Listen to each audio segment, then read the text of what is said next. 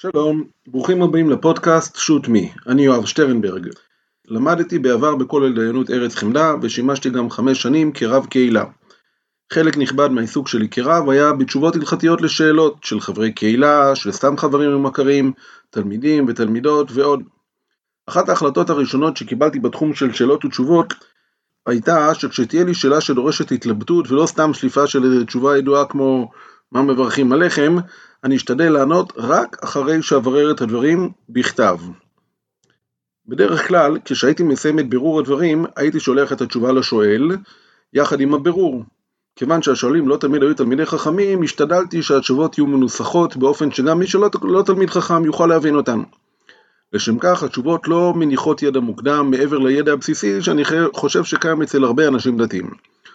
הן גם כתובות באופן מסודר ובהיר ככל האפשר. כמובן גם שיקולי הפסיקה וההכרעה מתוארים בגוף התשובה. הפודקאסט הזה, שזה הפרק הראשון שלו, אני מבקש לעשות את אותו דבר, כלומר אנחנו נעסוק בשאלות הלכתיות ספציפיות שיש להן תשובה ספציפית, רובן גם הגיעו משואל שהיה לו שאלה ברגע נתון, ונשתדל לעקוב אחרי התהליך ההלכתי כולו. מתחילים.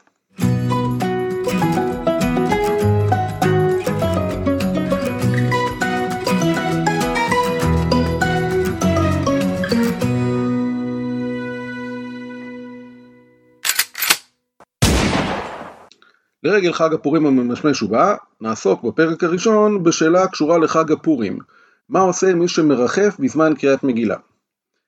קריאת מגילה נמשכת זמן רב, עם כל האמנים זה יכול להגיע לשעה ואפילו ליותר, והקשב שלנו, איך לומר, הוא לא תמיד בשיא.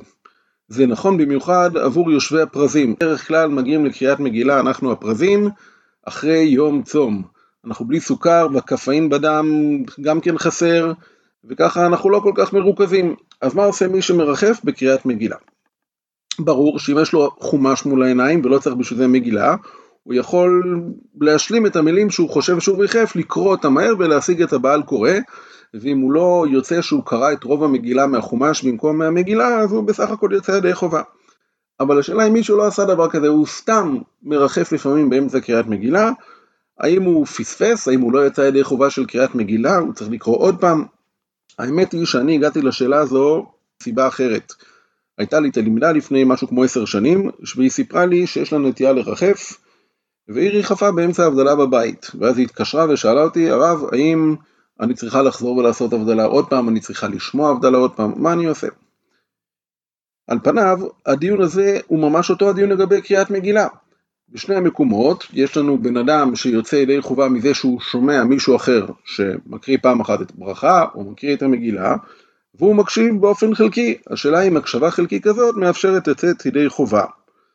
בהמשך נדון בשאלה גם אולי זה לא בדיוק אותו דבר, אולי קריאת מגילה זה לא בדיוק כמו ברכות. היסוד של הדיון שלנו המושג ההלכתי של שומע כעונה.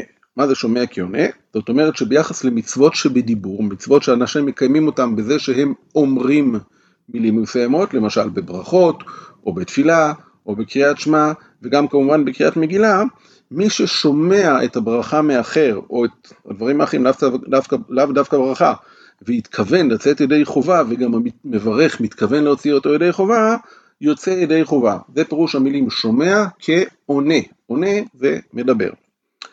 הראשונים נחלקו מה הדין כאשר השומע אינו מבין מה המדבר אומר, הוא פשוט שומע בלי להבין. המקור של הדיון הוא קשור לברייתא שמופיעה בגמרא במסכת ברכות בדף ימי עמוד ב', שם כתוב ככה שניים שאכלו כאחת מצווה לחלק, כלומר שני אנשים שאוכלים ביחד, אז הם לא יכולים לעשות זימון או שאחד מהם יציא ידי, חובה את חברו, אלא מה שהם צריכים להתחלק ולברך כל אחד בנפרד. אבל מסייגת הביתה, במה דברים אמורים? כששניהם סופרים, כלומר ששניהם יודעים לברך, אבל אחד סופר ואחד בור, הסופר מברך והבור יוצא. אז התוספות במקום, בדיבור המתחיל שני, מציינים שיש דעה שלומדת מהברייתא הזאת, שגם אם אדם לא מבין בכלל את מה שהשני אומר, הוא עדיין יכול לצאת, לצאת ידי חובה מדין שומע כעונה, שהרי הבור לא מבין מה שהסופר אומר, ככה לפחות אותה דעה מבינה. התוספות אומרים לא לא לא לא לא זה בכלל לא קשור. הבור פשוט לא יודע את הנוסח של הברכה אבל הוא מבין עברית הוא מבין את נוסח ברכת המזון נניח או את נוסח ברכת הקידוש זה לא שהוא לא מבין את המילים. הוא פשוט לא יודע אילו מילים להגיד. גם הראש מביא את הדעה הזאת שהתוספות דוחים, הראש מביא את הדעה הזאת והוא אומר שזוהי שיטת רש"י, וגם הראש חולק עליה כדעת התוספות. יוצא שיש לנו מחלוקת בין הראשונים, והשאלה מה קורה אם אדם שומע כדי לצאת ידי חובה מאדם אחר, והוא לא מבין מה, הוא, מה הבן אדם השני אומר לו. לדעת רש"י, זה שהוא לא מבין לא נורא, הוא רק צריך לשמוע, שומע כעונה. ואילו לדעת התוספות והראש, לא לא, צריך גם בפועל אה, להבין את מה שהמברך אומר בעצמו. המחלוקת של הראשונים היא גם מחלוקת בין המחבר, כלומר רבי יוסף קארו, בעל השולחן ערוך, ובין הרמ"א. המחבר בשולחן ערוך אור החיים קצ"ג בסעיף א' פוסק שבשביל לצאת ידי חובה בברכת המזון צריך רק להבין את המילים ששומע כמו דעת התוספות והראש. אבל הרמ"א הוא לא שם בסימן קצ"ג אלא בסימן קצ"ט, הוא כותב שנשים יוצאות ידי חובה של זימון וברכת המזון למרות שהן לא מבינות את המילים. כמובן זה לא בהכרח אנשים בימינו, אבל אנשים בימיהם של הראשונים, חלקן בוודאי לא ידע עברית והם דיברו רק יידיש, אז איך הם יכלו לצאת ידי חובה בברכת המזון? הם אה, הקשיבו. הדרכי משה, שזה הספר שהרמ"א כתב שהוא מקביל לבית יוסף, כלומר הספר שלו אה, שמתאר את שיטות הראשונים יותר באריכות, הם המקורות ולא רק ספר הפסיקה, הוא כותב שזה המנהג הברור, כלומר המנהג הברור בקהילות אשכנז היה שנשים יוצאות ידי חובה בהקשבה לגבר שמברך למרות שהן לא מבינות מה הוא אומר. האם המסקנה מכך היא שגם אין צורך לשמוע את המילים ממש לשיטת רש"י וההולכים בדרכו? כלומר לפי התוספות עם חוסר הבנה גורם לזה שאדם לא יכול לצאת ידי חובה, ברור שאם הוא לא שמע הוא לא יצא ידי חובה, אבל לרש"י שאפשר לא להבין, האם צריך גם לא להקשיב, מספיק רק שהמילים נכנסות באוזניים. ממילא אין למה להקשיב, הרי אנחנו לא מבינים. אז מהמשנה ברורה נראה שלא ככה, כי המשנה ברורה כשהוא דן במחלוקת הראשונים הזו בסימן קצ"ג אז הוא מזכיר את שיטת רש"י שאכן אכן יוצאים ידי חובה גם בלי להבין מה אומרים אבל הוא אומר שעדיין עדיף שאנשים יברכו בעצמם והוא נותן לזה כמה סיבות. קודם כל, וזו סיבה שהוא לא מזכיר בעצמו, למרות ששומע כעונה זה ודאי יותר מהודר שהאדם יברך בעצמו מאשר שהוא רק יצא ידי חובה בהקשבה לאחרים. שנית, יש הרי ראשונים שסוברים שפשוט לא יוצאים ככה ידי חובה, אז אם אפשר לצאת ידי חובת שיטות עוד ראשונים, למה לא? זה ודאי עמדה שהמשנה ברורה מחזיק בה בהרבה מקומות, וגם פה הוא אומר, אישה ש... שלא מבינה את המילים יכולה לצאת ידי חובה אם היא תגיד אותם, וזו נקודה שצריך אה, להדגיש אותה ואולי לא הדגשתי אותה מקודם, אפשר לצאת ידי חובה באמירת ברכת המזון או כל ברכה אחרת, גם אם לא מבינים מה אומרים, אבל בשמיעה נחלקו הראשונים האם השומע צריך להבין את מה שהמדבר אומר. כשהוא בעצמו מברך לכל, בלשון הקודש, בעברית, לא צריך להבין מה שאומרים, גם אדם שמברך ולא מבין את המילים שהוא אומר, יוצא ידי חובה. טענה שלישית של המשנה ברורה, למה לא כדאי לסמוך על שיטת רש"י, אומר המשנה ברורה שרוב האנשים מרחפים ולא כל כך מקשיבים לאנשים אחרים כשהם מברכים ולכן יצאו ידי חובה. זה לא חידוש של המשנה ברורה, זה דברים שכותב אותם מראש, רבנו אשר בן יחיאל מהמאה ה-13 היה פוסק אשכנזי שהיגר לספרד והפך להיות הרב של ספרד, זה אחד הבודדים בהיסטוריה שהיה אשכנזי שהיה הרב של ספרד. והראש כותב בתשובה שלו את, בדיוק את הדבר הזה שאנחנו אה, כבר בימיו אנשים לא היו מקשיבים כל כך ואחרי כן זה מופיע גם בשולחן ערוך בסימן קפ"ג סעיף ז'. הראש לכאורה עקבי לשיטתו, הראש אומר אני חושב שאנשים צריכים להבין, השומע צריך להבין את מה שהמשמיע אומר, כדעת התוספות והראש כמו שהזכרנו מקודם, וממילא ברור שאם הוא מרחף לא יצא ידי חובה. אבל המשנה ברורה מזכיר את הדברים האלה של הראש שאמרנו עכשיו, לא רק בהקשר של מי ש... אה, לא רק בהקשר של שיטת הראש, אלא גם בהקשר של שיטת רש"י. המשנה ברורה כותב שגם לשיטת רש"י, שלא צריך להבין, עדיין צריך להקשיב, וזה לא קורה. בדומה לדברי המשנה ברורה, אפשר למצוא את אותו טיעון גם אצל רב שלמה זלמן אוירבך, מחשובי הפוסקים בדור הקודם, אני כשהייתי צעיר זה היה בדור שלנו, אבל דור קצת התחלף, אז מחשובי הפוסקים נראה לי גם צריך להגיד בדור הקודם, וגם הוא דן בשאלה מה קורה לגבי מי שמרחף באמצע התפילה. האם הוא יוצא ידי חובה, וזה כנראה דבר די מצוי, אני חושב שהרבה מהשומעים מכירים את העניין הזה שלפעמים אנחנו אומרים את המילים בתפילה אבל לא ממש מקשיבים למה שאנחנו אומרים. יש לו ראייה יפה מאוד שאדם יכול לצאת ידי חובה למרות שהוא לא ממש מקשיב לעצמו למה שהוא אומר. מה הראייה שלו? יש דיון שמופיע בגמרא ואחרי כן בשולחן ערוך לגבי אדם שנמצא באמצע קריאת שמע והוא אומר מילים והוא לא יודע אם הוא נמצא בפרשה ראשונה של קריאת שמע או שהוא נמצא בפרשה שנייה של קריאת שמע. הוא אומר כמה מילים והוא לא יודע לאיזה, לאיזה פרשה זה שייך. מה הוא עושה במקרה כזה? אז כתוב שאם אה, יש דיון בגמרא ואחר כך בשולחן ערוך מה קורה, איפה נמצאים שאר האנשים ומה שגרת לשונו ממשיכה הלאה.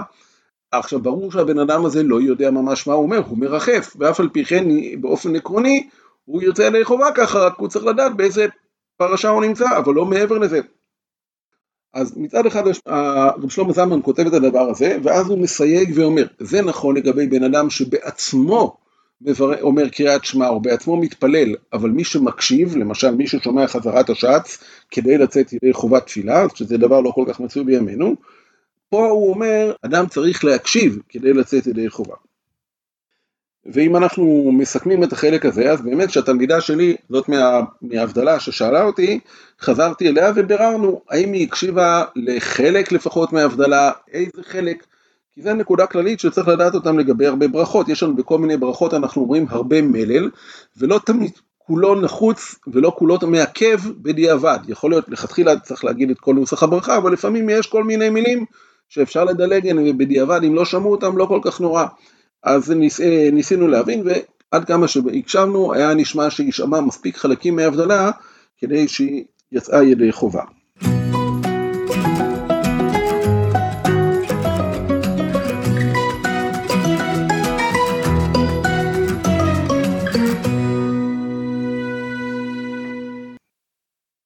כעת נחזור למה שהערתי מקודם, שאולי בקריאת מגילה הדין שונה מסתם ברכות.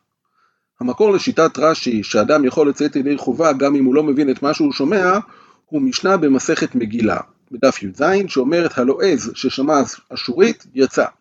מה הכוונה? לועז, כלומר אדם שמבין רק לועזית, מבין רק שפה זרה, נגיד אותם נשים שמבינות רק יידיש, או יהודי שגר באמריקה נגיד ויודע רק אנגלית ולא מבין עברית, אם הוא שמע את המגילה באשורית, כלומר בעברית, הוא יצא ידי חובה, למרות שהוא לא מבין מה שהוא שומע. עכשיו רש"י אומר הנה יש לי הוכחה בנוקאוט, הבן אדם הזה, הבן אדם הזה לא מבין משהו, שהוא שומע ואף על פי כן הוא יוצא ידי חובה. הבעיה היא שלא רק שזה לא כזאת הוכחה, אלא ממש הגמרא בעצמה התקשתה באותו דבר בדיוק, הגמרא שואלת בעצמה שמה איך יוצאים ידי חובה, הרי אנחנו לא, הוא לא מבין מה שהוא שומע. עונה רבינה בגמרא שמה והוא אומר ככה יש כל מיני מילים בגמרא שגם אנחנו, האמוראים, לא מבינים, לא מבינים. למשל, האחשטרנים בני הרמחים. אלו שלוש מילים, כלומר, את המילה בני הנחולים, אבל מה זה החשטרנים, מה הם רמחים, ואיך הם קשורים אחד לשני, אנחנו לא מבינים מה המילים האלה אומרות. אז איך אני רבינה יוצא בעצמי ידי חובה, הרי אני לא מבין את מה שאני קורא במגילה. אומר רבינה, מכאן אתה לומד שבקריאת מגילה אין חובה להבין, אלא רק יש מצוות קריאה ופרסומי ניסא בעלמא, רק צריך לקרוא את המגילה ולפרסם את הנס. אז ממילא אדם ששומע את המגילה והוא לא מבין, הוא בעצם לא חריג, כולנו לא מבינים לגמרי את המגילה. ולכן גם הלועז, שלא מבין חלקים יותר גדולים מהמגילה, בסופו של דבר יצא ידי חובה, כי פשוט אין צורך להבין. זה לא דין בכל, לא דין בכל דבר ששומעים, למשל בברכות אמרנו נחלקו בזה הראשונים, או בקריאת שמע יחלקו בזה הראשונים, אבל בקריאת מגילה המסקנה היא שלא צריכים להבין את מה ששומעים, מספיק להקשיב. אבל האם זה משפיע עלינו? האם זה עוזר לנו לגבי הדיון שלנו לגבי מי שהוא מרחף בקריאת מגילה? מסתבר שהתשובה היא שלילית. קודם כל, הסברה שהזכרנו מקודם רלוונטית גם עכשיו. יש הבדל בין להבין או לא להבין את קריאת המגילה לבין להקשיב. בן אדם שהוא מרחף, הבעיה שלו היא לא שהוא לא מבין את קריאת המגילה, הוא פשוט לא מקשיב. ויש לדבר הזה גם ראייה טובה בעצם ממש מדין מפורש שמופיע בשולחן ערוך ולפני כן כבר בגמרא, שאדם ששמע את המגילה כשהוא מתנמנם לא יצא ידי חובה. למה? כי הוא לא ממש יודע איפה הוא לא ממש יודע לעקוב. רואים שבן אדם שהוא מרחף ולא ממש מקשיב כמו ההוא שמתנמנם, לא יצא ידי חובה של קריאת מגילה. אז אם ככה, הסיכום שלנו בינתיים הוא שמי ששומע ברכה או את אה, קריאת שמע או קריאת המגילה, הוא צריך לשמוע את כל מה שאומרים, ונחלקו הראשונים בשאלה אם הוא גם צריך להבין. לדעת התוספות והראש, וככה דעת המחבר, הוא גם צריך להבין אה, כשהוא שומע ברכות או כשהוא שומע קריאת שמע, ולדעת הרמ"א, וככה מנהג האשכנזים הוא מעיד גם שגם מי שלא מבין יצא ידי חובה. בקריאת מגילה כולם מודים שלא צריך להבין מה אומרים, אבל כולם מודים בין בקריאת שמע, בין בברכות, בין קריאת מגילה, שצריך להקשיב.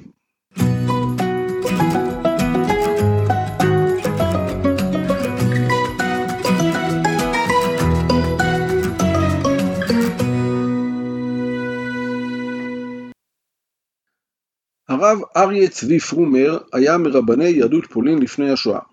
הוא היה תלמיד של רבי אברהם מסוכותשוב, הרבי מסוכותשוב, ואחרי פטירתו של רבי אברהם הוא עמד בעצמו בראש הישיבה בסוכותשוב.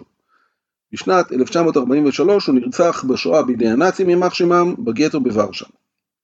הוא הוציא ספר תשובות בשם שו"ת ארץ צבי. יש עוד כמה שו"תים עם הכותרת ארץ צבי ולכן נוהגים לומר בדרך כלל ארץ צבי פרומר כדי לדעת שמדברים על השו"ת של רב אריה צבי פרומר ולא על אה, שו"תים אחרים. ובשו"ת שלו בחלק א', סימן מ"ה, הוא דן ממש בנושא שלנו. מה הדין של מי שמרחף בקריאת מגילה, והוא נותן שם הבחנה מעניינת בשאלה מה נחשב לרחף ומה נחשב להקשיב. אני אשתדל להקריא את דבריו. נראה לעניות דעתי עוד, דהמביט במגילה בשעה שקוראים המגילה או ב-18 בתוך הסידור, בשעה שהשליח ציבור מתפלל, ובכל עת שהוא נזכר הוא מוצא את עצמו שמסתכל במקום קריאת השליח ציבור, אפילו שד במחשבתו בעניינים אחרים, כל שמביט כסדר מילה במילה בדברים שהשץ אומר, חשיב שומע. אם לא כן, איך אפשר במקרה שהוא מביט באותו מקום באותה מילה שהשליח ציבור קורא עתה? על כורכך לחוש הראייה שלו נגרר אחר חוש השמע, ואם כן, בהכרח צריך לומר שהוא שומע, וזה ברור מסברה. כלומר, אומר רב אריה צבי פרומר, מי שעוקב אחרי הקריאה עם העיניים, אי אפשר לחשוב שהוא לא מקשיב. הוא מספיק מקשיב בשביל שכל פעם שהוא תופס את עצמו, מסתבר שהוא נמצא בדיוק באותה מילה איפה שהשליח ציבור נמצא. משהו מחוש השמיעה שלו עובד, וחוש הראייה, כך הוא אומר את זה, נגרר אחריו, העיניים עוקבות בגלל שהוא שומע. זה רף שמיעה מספיק לדעתו בשביל שהאדם הזה ייחשב מקשיב ולא, אה, ולא שהוא מרחף. אם נחזור לתלמידה שלי עם ההבדלה, אם הייתי מכיר אז את התשובה של ארץ צבי, היה סביר להניח שהייתי שואל אותה אם היא מספיק עקבה כדי לדעת איפה אבא שלה היה בהבדלה. ומאחר שרוב האנשים לדעתי גם כשהם מרחפים הם עדיין יכולים אם פתאום ההבדלה נתקעת הם יודעים להגיד מה המילה הבאה כי לפי המנגינה וזה זה סימן שהם נחשבים עדיין שהם מקשיבים. זהו, עד כאן הפרק הראשון של הפודקאסט שוט מי. זה פודקאסט חדש ואני חדש בענייני הפודקאסטים כך שכל תגובה שהיא תתקבל בברכה. בדף הפודקאסט יש קישור שדרכו ניתן להשאיר תגובות על הפודקאסט, מוזמנים לכתוב שם. נשתמע בפרק הבא.